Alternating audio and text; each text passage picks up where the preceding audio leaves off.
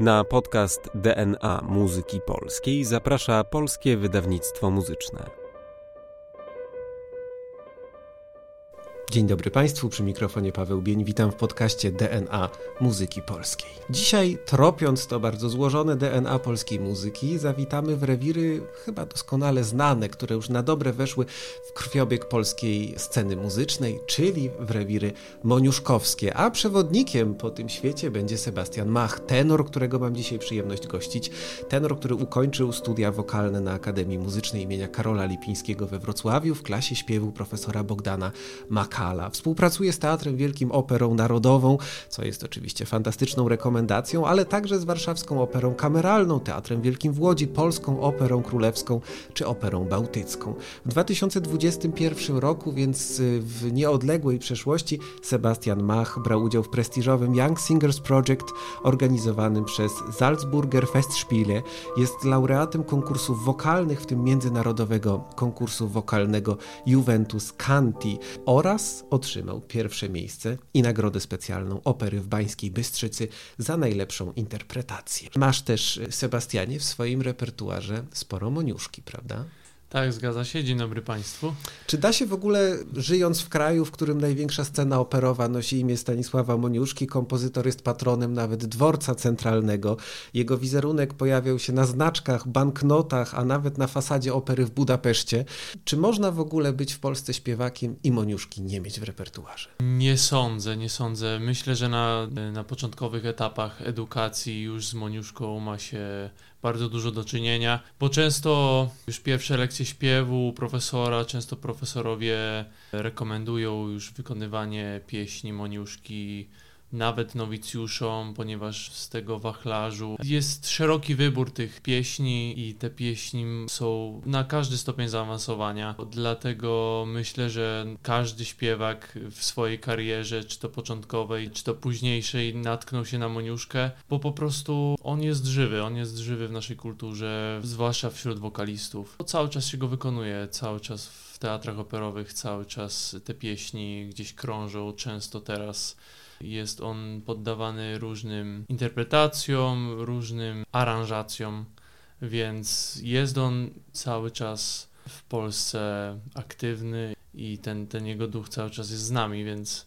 no bardzo mnie ta deklaracja cieszy, że ten moniuszkowski duch się tak, nad nami tak, unosi. Tak. Ale czy myślisz, że mimo tego, że jest tak chętnie cały czas obsadzany w tych repertuarach koncertowych, tak często pojawia się na scenach operowych, czy naprawdę możemy powiedzieć, że Polacy Moniuszkę znają? Bo zapytałeś mnie o to, czy muzycy znają Moniuszkę, to na pewno, ale czy zwykły Polak, nie mający wspólnego nic z muzyką, czy go zna?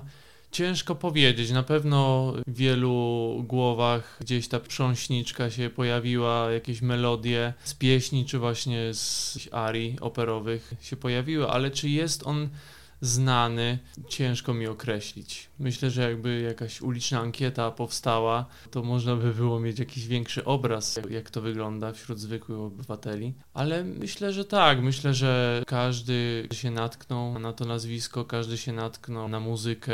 Pewnie jako wykonawca też zauważasz to, że jeżeli chodzi mm -hmm. o mhm. twórczość Moniuszki, mamy do czynienia z pewną dysproporcją. To znaczy są dzieła, które są obecne, no, wręcz takie ikoniczne. No, Prząśniczka, która jest emblematem muzyki polskiej XIX wieku przecież, mhm. ale są też dzieła takie, które chyba w ogóle nie funkcjonują, nawet wśród znawców. No przecież e, myślę, że nawet e, niewielu miłośników muzyki wokalno-instrumentalnej zna jawnutę chociażby, prawda? Mhm. Że, że, że, są mhm. jednak jakieś takie meandry tej biografii moniuszkowskiej, tego dossier kompozytorskiego, które pozostają nieodkryte.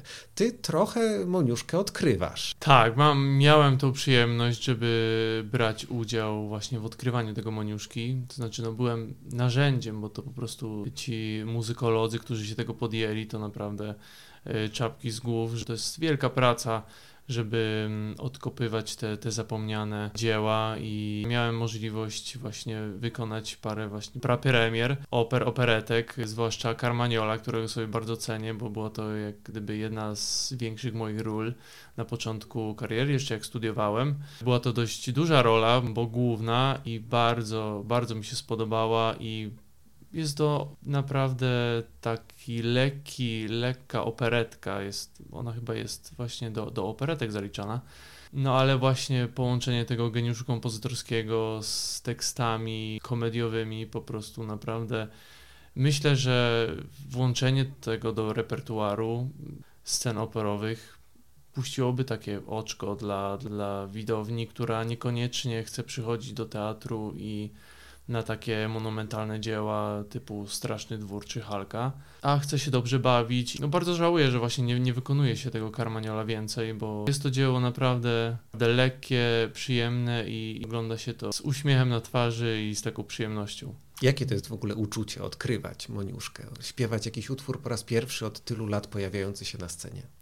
Niesamowite, to jest niesamowite uczucie, gdy, gdy wie się, że nie ma tradycji wykonawczej tego utworu i jest się pierwszym jak gdyby interpretatorem tego, tego dzieła, można sobie wtedy na dużo pozwolić, że tak powiem. Ale też jest to. Odpowiedzialność? Odpowiedzialność, tak. Odpowiedzialność, że jednak jestem na tym miejscu, biorę za to odpowiedzialność, za tą prapremierę, za to pierwsze wykonanie i chcę wykonać to jak najlepiej i jak, jak najlepiej pokazać tę postać, która została odkopana gdzieś i na nowo odkryta. To jest naprawdę niesamowite uczucie e, być w takiej sytuacji na scenie. Czyli wyobrażałeś sobie siebie jako ten punkt odniesienia kolejnych wykonawców, którzy będą Dokładnie później tak. zerkali Dokładnie tę tradycję tak. wykonawczą w zasadzie rozpoczynasz w tym momencie, tak? Dokładnie tak, tak. Na takiej zasadzie to działa, więc jest ta odpowiedzialność, ale jednocześnie no, no taka duma, że, że, że mogę być pierwszym kto kreuje tę postać. No to jest na pewno wspaniałe uczucie. Zazdroszczę trochę. tego, tego zdecydowanie zazdroszczę, ale wiesz, tak sobie myślę, że jesteś człowiekiem, który przecież występuje na różnych scenach. Ostatnio to sprzed y, bodaj kilku dni informacja, nawet na scenie Laskali występowałeś, co myślę jest tutaj godne podkreślenia. Więc też zapewne stykasz się z rozmaitym repertuarem. Pewnie -hmm, ta klasyka XIX wieku, tradycji europejskiej nie jest ci obca. No i jak w tym zestawieniu wypada Moniuszko z Twojej perspektywy jako artysty wykonawcy? Myślę, że można go na pewno postawić obok y, Pucciniego, bo to jest naprawdę jego muzyka jest przesiągnięta zwłaszcza tą polskością, bo jednak jak czuć tą polskość, tą, ten folklor i w pomieszaniu właśnie z tą muzyką romantyczną daje to niesamowity efekt. I, I, naprawdę nie można niczego ujmować naszym kompozytorom właśnie XIX-wiecznym, bo też nie mieli łatwo, bo cenzura, wiele właśnie dzieł, wielu tych kompozytorów. Moniuszkę się teraz odkrywa, ale, ale wielu kompozytorów zostało zapomnianych po prostu przez sytuację, jaka wtedy panowała, a, a wcale wcale ten poziom jak gdyby nie odbiegał od, od tych innych europejskich potęg jak Verdi czy, czy, czy Puccini. Więc myślę, że, że pokazanie nawet Halki w Wiedniu było to naprawdę bardzo ważne dla, dla muzyki polskiej, dla, dla Moniuszki i dla, samego, samej świadomości ludzi w Austrii, czy w Niemczech, czy, czy we Włoszech, że, że taka muzyka jest i taka muzyka jest jak najbardziej na, na miejscu dość wysokim. Czyli te wszystkie zarzuty, które swego czasu się pojawiały, mówiące o jakimś takim prowincjonalizmie, e, Moniuszki byś odpierał raczej. Raczej bym odpierał, tak, tak.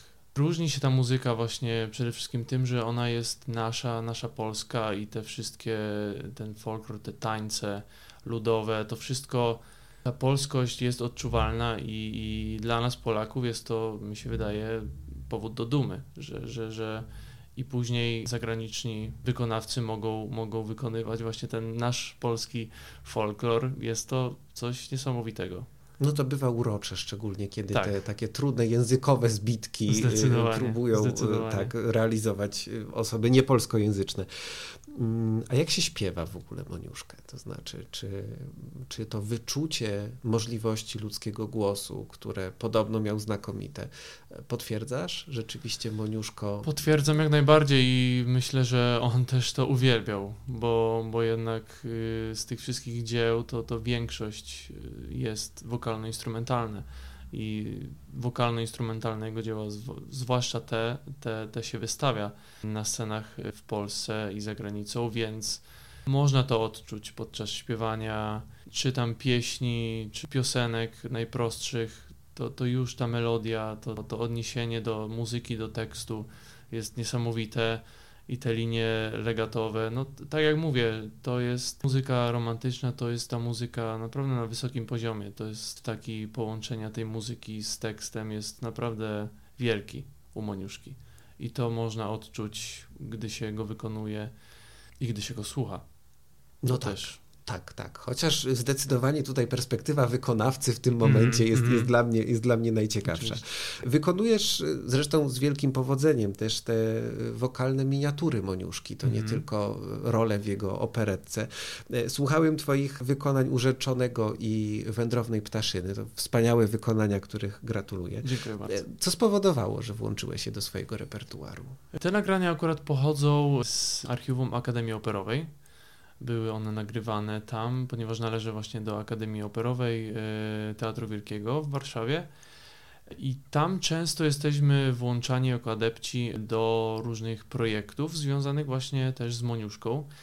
I ostatnio miałem przyjemność brania udziału w takim projekcie, gdzie scenariusz do, do tego koncertu był wykonany mm, w taki sposób, że były wzięte pieśni Moniuszki i tak, tak poustawiane, by to tworzyło jak gdyby jedną historię. I to było naprawdę niesamowite przeżycie usłyszeć to w takim zestawieniu. A dlaczego decyduję się na takie miniatury? Bo naprawdę, tak jak, tak jak mówię, ten, ten, to połączenie z tekstem y, tej muzyki jest. Y, to mi się najbardziej właśnie w wykonywaniu Moniuszki podoba, że, że, że, że można opowiedzieć jakąś historię, mimo że jest to pieśń, to ma ona trzy zwrotki i te trzy zwrotki można zupełnie inaczej opowiedzieć, tworzyć po prostu historię, y, opowiadać ją, dlatego gdy mam jakiś recital czy koncert, no nie wyobrażam sobie, żeby nie włączyć chociaż jednej pieśni Stanisława Mniuszki do repertuaru, bo po prostu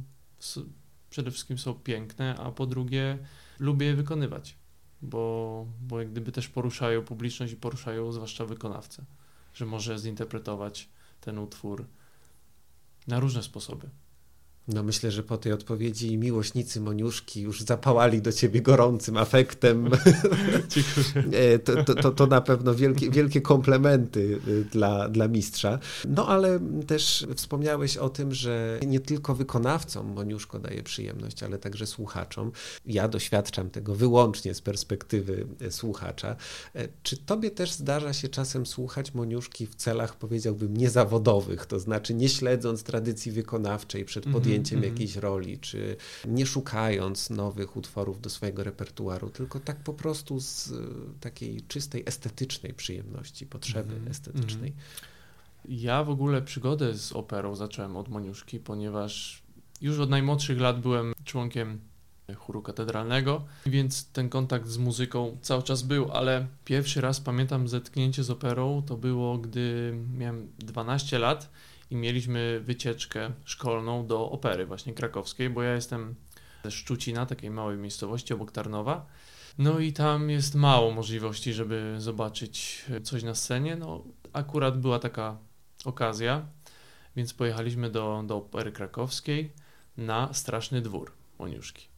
To było w ogóle moje pierwsze zetknięcie z operą i naprawdę zrobiło to na mnie ogromne wrażenie, na takim małym dzieciaczku. Zwłaszcza partia Stefana, którą wtedy wykonywał Tomasz Kuk.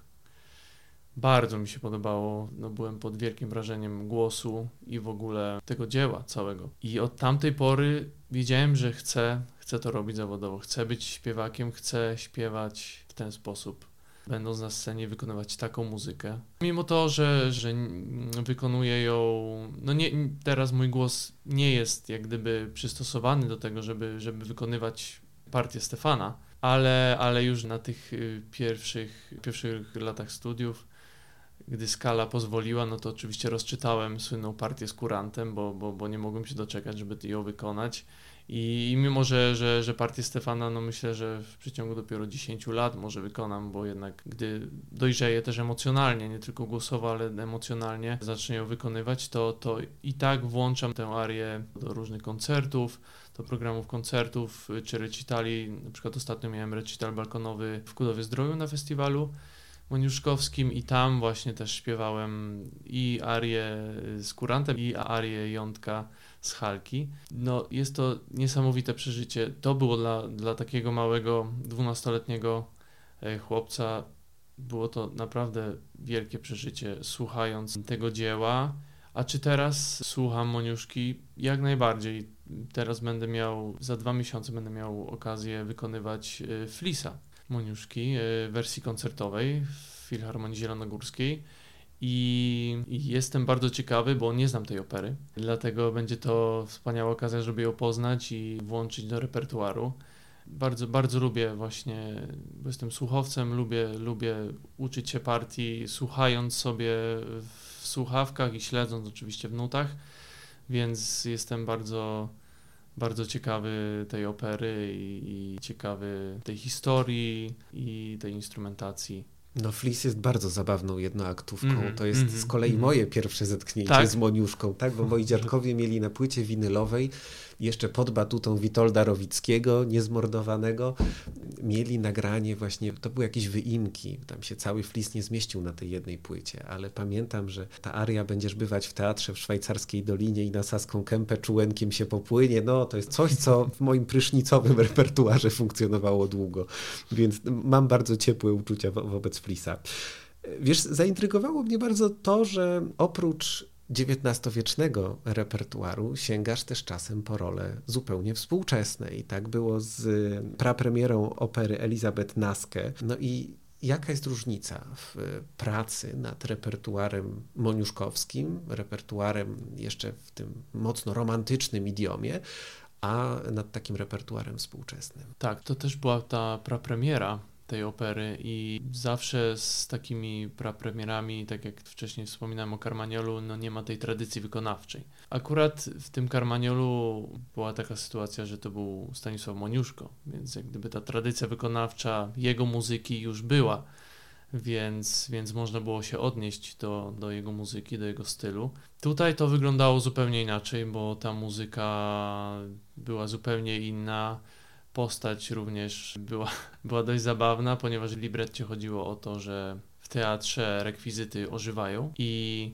gwiazda, która ma świecić pod koniec opery, wstydzi się, nie chce świecić i wszystkie re inne rekwizyty ją pocieszają i podbudowują. Natomiast dwie peruki, byłem jedną z nich, szydzimy ze, ze, wszystkich, ze wszystkich innych rekwizytów, więc no miałem taką partię dosyć złośliwą, czarnego charakteru. Ale to przepraszam, bardzo ciekawe, bo przecież u Moniuszki szydzi się z Damazego, który woli tak. ten frak i perukę niż tak, polski dokładnie. kontusz, więc tutaj dokładnie. też jakiś taki moniuszkowski sznyt w tym jest. Dokładnie tak. No było to dosyć, dosyć ciekawe przeżycie, bo jednak gdy ma się do czynienia z utworem, którego kompozytor jeszcze żyje i, i możemy na bieżąco z nim konsultować pewne sprawy, sprawy jest to zupełnie inna sytuacja, aniżeli właśnie wykonywanie prapremierowe dzieł odkopanych kompozytorów z dawnych lat. No tutaj była taka sytuacja, że często koncepcja też się z próby na próbę kompozytorowi zmieniała i, i, i musieliśmy się do tego dostosowywać. I też nie można było sobie pozwolić na, na, na jakieś za duże legato, gdzie u, u Moniuszki to cały czas jest i ta płynność tej muzyki jest niesamowita. Tutaj no, tego nie było, jednak muzyka współczesna ma swoje cechy, które nie zawsze mi osobiście pasują. No ale było to na pewno kolejne do, miłe doświadczenie z zupełnie inną muzyką, z zupełnie innym czymś, co ja musiałem wykreować sam, nikt nie mogłem się odnieść do, do, do, do, do czegoś, tylko ja kolejny raz musiałem podjąć się tego zadania, żeby to zinterpretować. Ale, no tak jak mówię, doświadczenie było niesamowite. Różnica między tymi kompozytorami, również z ich stylem. Troszeczkę brakowało mi tego, że akurat u Moniuszki jest wiele takich motywów, które się cały czas powtarzają, cały czas są z tyłu głowy. Tej operze były te motywy i na próbach z fortepianem można było je bardzo łatwo wychwycić. Natomiast już na próbach z orkiestrą te motywy przeplatały się wśród różnych instrumentów i niekiedy, nie wiem czy to była wina dyrygenta, ale często te motywy gdzieś ginęły, jeżeli były one właśnie w instrumentach, które nie były dominujące. Często te motywy właśnie mm, ginęły w tej całej masie dźwięku, więc teraz ciężko mi w ogóle sobie przypomnieć jakiś motyw, jaki tam był, bo każda, każda postać, każdy rekwizyt, który wychodził na scenę i śpiewał, miał swój właśnie motyw, miał swoją melodię, która się powtarzała, gdy, gdy on zabierał głos, a teraz właśnie nie mogę sobie tego, tego skojarzyć, więc wydaje mi się, że że to też u Moniuszki jest niesamowite, że te, że te melodie, że ta dźwięczność tych motywów melodycznych jest trwa po prostu. No, wielkim melodystą był, parafrazując Gombrowicza. E, a powiedz mi, y, powiedziałeś i to mnie jakoś bardzo zaintrygowało, że do partii Stefana musisz jeszcze e, trochę emocjonalnie się przygotować. Mm -hmm. Co miałeś na myśli? Na czym polega takie przygotowywanie się? Co jest w tej partii Stefana takiego, co wymaga jednak jeszcze jakiegoś doszlifowania w tobie? Myślę, że przede wszystkim głosowo nie jestem gotowy na, na tę partię, bo, bo jednak jest to partia dosyć ciężka, jeśli chodzi o, o śpiewanie, bo to jest już dosyć dramatyczne śpiewanie. Teraz głównie idę w bardziej włoskie bel canto, Rossini, Bellini. To jest właśnie ten repertuar, który mi teraz służy. Ale w przeszłości wykonywanie moniuszki nauczyło mnie właśnie tego legata, tego lania, tego dźwięku, tej płynności. Natomiast czego mi brakowało w moniuszce, to tej lekkości, małej ilości koloratur, no ale to wiadomo, to jest ta muzyka romantyczna też ma swoje cechy i, i, to się odchodziło już od tego belkanta włoskiego typowego do, do bardziej legatowego śpiewania. Wydaje mi się, że jeszcze parę lat minie, żeby ten głos bardziej osiadł, żeby te mięśnie się wyrobiły, bo to byle tenor nie może tego zaśpiewać, wydaje mi się, tej partii. Bo pamiętam, że ja jako dwunastoletni chłopiec byłem naprawdę w szoku, gdy, gdy Tomek Cook wyszedł na scenę i zaśpiewał tu arię z kurantem z kurantem, to, to było niesamowite przeżycie dla mnie i, i wiem, że żeby na takim poziomie to wykonać, muszę jeszcze dojrzeć. Emocjonalnie również, bo gdy dojdzie jeszcze emocja do tego, do tej muzyki, to jest niesamowite. No, często, często jak wykonuję nawet tę arię, to, to mam łzy, w oczach przy, przez ten tekst i samo to właśnie wykrzykiwanie Matko moja miła to jest co, coś, coś niesamowitego i, i też nie wiem, czy mógłbym zapanować nad aparatem, będąc w takim amoku, będąc w takiej emocji, żeby to wszystko było technicznie zgodne, żeby się udało dośpiewać operę do końca. No, no jest, to, jest to wyczyn, żeby przekonać, przekonać widza o tej emocji i samemu po prostu być w ryzach cały czas, żeby się nie dać za bardzo ponieść, żeby wszystko było technicznie dobrze, ale żeby też opowiedzieć dobrze historię. To jest, mi się wydaje, bardzo duża sztuka. Czyli Moniuszko też trochę uczy takiej śpiewaczej pokory. Jak najbardziej. Zgadza się. Nie tylko legato. Nie tylko. Nie. Na początku powiedziałeś, że często nawet niedoświadczeni śpiewacy, czy rozpoczynający w ogóle swoją przygodę, tak. sięgają po ten moniuszkowski repertuar, sięgają po pieśni. Mhm. I od razu pomyślałem sobie, czy dałoby się na śpiewnik domowy Moniuszki spojrzeć trochę tak, jak na wybór jakichś wokalnych etiud, to znaczy, czy są wśród tych utworów takie, które stawiają sobie za cel ćwiczenie jakiegoś konkretnego problemu, e, problemu technicznego, czy w ogóle Moniuszko nie miał tutaj takich e, pedagogicznych zapędów w tym śpiewniku? Ciężko stwierdzić, czy miał taki zamiar, ale po prostu wśród tych 300 pieśni, które skomponował, pieśni, które można bardzo łatwo przetransponować y, do, do, głosu, do głosu, jakim się dysponuje. Wszędzie można znaleźć sposób na, na pewne problemy techniczne i myślę, że tak samo często jak pedagodzy mm, sięgają po Wakaja czy innych włoskich właśnie takich typowo y, pedagogów od śpiewu, tak często sięgają również po Moniuszkę i po pieśni, bo wydaje mi się, że na kształtowanie tak młodego głosu te pieśni są bardzo, bardzo dobre. A czy nie masz takiego wrażenia, zapytam teraz przewrotnie, że trochę Moniuszko tą swoją sławą, jakąś taką renomą ojca opery narodowej, która do niego przylgnęła, trochę zawłaszczył sobie ten XIX-wieczny grunt, że przez niego gdzieś w zapomnienie poszły kompozycje na przykład Elsnera, bo już nie było dla nich miejsca w tej zbiorowej pamięci. Czy nie masz wrażenia, że to jest taki trochę też mm. zawłaszczający kompozytor? Można w sumie tak powiedzieć, bo wielu, nie pamiętam kiedy ostatnio wykonywało się go plany Żeleńskiego, a to przecież też jest po prostu nasze dobro narodowe, które powinno być cały czas w repertuarze, a dalej jest traktowane jak wtedy było traktowane, bo nie można było nazwać tego balladyna, tylko Żeleński musiał zmieniać libretto, musiał zmieniać kompozycję swoją, bo ta cenzura mu nie pozwalała na to. Jak gdyby nie mówię, że cenzura dalej jest, ale dlaczego się nie sięga do tych, do tych dzieł? Czy tam Nowowiejskiego? Przecież to jest wszystko naprawdę na wysokim poziomie. To są dzieła wspaniałe i, no, jest troszeczkę zmęczenie materiału. Nie powiem, że nie, ponieważ no, ten Straszny Dwór i Halka to oczywiście jest, to są wspaniałe dzieła, ale myślę, że moglibyśmy wiele czerpać właśnie z kompozytorów, którzy, którzy żyli też na równi z Moniuszką. No i wspaniale, że też na przykład Fabio Biondi teraz sięga po te mniej znane kompozycje. No, mhm. Ostatnio przypomniał przecież i Verbum Nobile, i, tak. i Flisa właśnie. Zgadza się. Hrabina była, teraz chyba w, w, tym roku Widma, prawda? Więc tak, tak, tak, tak pojawiają tak. się te kompozycje trochę, e, trochę rzadziej e, grane. No, bardzo zresztą ciekawe. Czy masz jakąś swoją moniuszkowską rolę, taką wymarzoną, poza Stefanem, o którym już rozmawialiśmy, której mógłbym Ci na koniec naszej rozmowy życzyć, żeby to wokalne marzenie się spełniło? Myślę, że również y, bardzo lubię hrabinę i Kazimierza, więc Kazimierz to jest tuż po Stefanie i Jątku taka moja trzecia wymarzona. Zamyka podium. Tak, zamyka podium, zdecydowanie.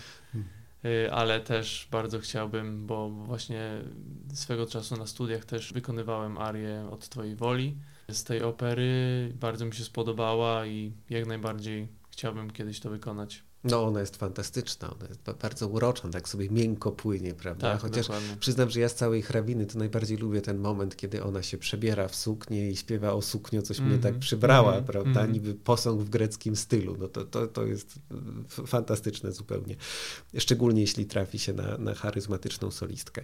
No to w takim razie życzę Ci y, wspaniałego Kazimierza w tej hrabinie, oby się to jak najprędzej spełniło. No i wielu, wielu artystycznych y, sukcesów, a Twój twój postulat o e, przywracaniu Moniuszki my sobie oczywiście bierzemy do serca i robimy co w naszej skromnej mocy, żeby o tej mniej znanej twórczości przypominać. No i myślę, że to też bardzo ciekawy biograficznie wątek, że Moniuszko to nie tylko ta wielka opera narodowa, to nie tylko Straszny Dwór i Halka, ale to także często dzieła takie jak na przykład operetka, która jest gatunkiem raczej z Moniuszką jednak niekojarzonym. Czy myślisz, że Moniuszko miał poczucie humoru? Mhm, zdecydowanie. Myślę, że ludzie nie zdają sobie sprawy z tych operetek Moniuszki, bo to jest dosyć świeża sprawa. Bo te operetki typu właśnie Carmagnol, Loteria, czy właśnie na przykład dwuaktowa opera komiczna Szwajcarska Chatka, czy Nocleg w Apeninach, wszystkie dzieła są dosyć świeże i włączenie ich do repertuaru jest wspaniałym pomysłem. A dlaczego one wcześniej nie były znane? One funkcjonowały tylko w rękopisach? Wydaje mi się, że tak. No to właśnie dzięki muzykologom. Zwłaszcza jestem Maciejowi Prochasce wdzięczny za, za odkrycie tego Carmagnola, bo ten Carmagnol jak gdyby zawsze będzie w moim sercu, bo to, bo to jest rola, która naprawdę przypada mi do gustu i, i wiele wykonań tego zawsze, zawsze kończyły się wybuchami śmiechu, salwami śmiechu. Ludzie się świetnie bawili przy tym. Troszeczkę mam żal przez to, że, że nie wykonuje się czy to Carmagnola, czy właśnie loterii, czy szwajcarskiej chatki, bo prapremiera była, też brałem udział w prapremierze y, w Warszawskiej Operze Kameralnej, ale już nie gra się tego. Szkoda, bo, bo naprawdę to było do, do libretta Karla Blumego e, po niemiecku, ale do Noclegu w Apeninach y, libretto było zaczepnięte od Fredry więc to też można sobie wyobrazić, jaki tam humor, humor panował. Dlatego jest to świeża sprawa i, i powinno się robić reklamę temu, wykonywać to jak najczęściej żeby, no bo ludzie w ogóle tego nie znają, a, a gdy, gdy poznali właśnie Carmagnola czy loterię, to ludziom się otwierają oczy na, na zupełnie innego Moniuszkę, który właśnie miał ten, to poczucie humoru, tą lekkość, której mi zawsze brakowało w Moniuszce i w tych dziełach takich y, dramatycznych, a tutaj ta zabawa tekstem, jest naprawdę niesamowita. Rozumiem, że faktura orkiestrowa też się zmienia względem tak, tak, tych tak. monumentalnych oper. Dokładnie, to jest zupełnie inny styl, można poznawać Moniuszkę na nowo dzięki takim utworom. Czyli zupełnie nieznane dotąd oblicze Moniuszki, które udaje się przywrócić po wielu tak, latach. Tak, zgadza się. I oby to trwało, i oby to, to propagowanie tej innej twarzy było ciągłe, bo, bo, bo żeby, żeby to nie zanikło, bo to jest też ogromna praca wielu ludzi i żeby to nie poszło na marne. Bardzo chciał, chciałbym, żeby tak było, żeby to ludzie poznali, bo wtedy istnia, istnieje szansa, że, że ludzie nie będą kojarzyć tylko właśnie Moniuszkę z takimi dramatycznymi dziełami, czy tam z prząśniczką. No tak, przełśniczka tutaj zawsze, zawsze się tak, musi pojawić. Dokładnie. Czy jest jeszcze szansa, że odnajdziemy jakieś kolejne kompozycje Moniuszki, że jeszcze kolejne jego twarze zostaną nam przedstawione? Myślę, że tak. No, te operetki przywrócone to, to była, myślę, że też niespodzianka dla muzykologów, że, że Moniuszko potrafił tak pisać z takim humorem i z taką lekkością, więc kto wie, co jeszcze muzykolodzy znajdą i i co, co odkryją. To trzymamy kciuki za poszukiwanie trzymamy muzykologów. No i tym y, moniuszkowskim poczuciem humoru kończymy dzisiejszą rozmowę. Bardzo dziękuję. Moim gościem był, przypomnę, Sebastian Mach, tenor związany z Teatrem Wielkim, Operą Narodową w Warszawie, Operą Kameralną, Teatrem Wielkim w Łodzi, Polską Operą Królewską, Operą Bałtycką i wieloma innymi instytucjami. Oby ta lista się wydłużała. Dziękuję, dziękuję. bardzo. Dziękuję za zaproszenie.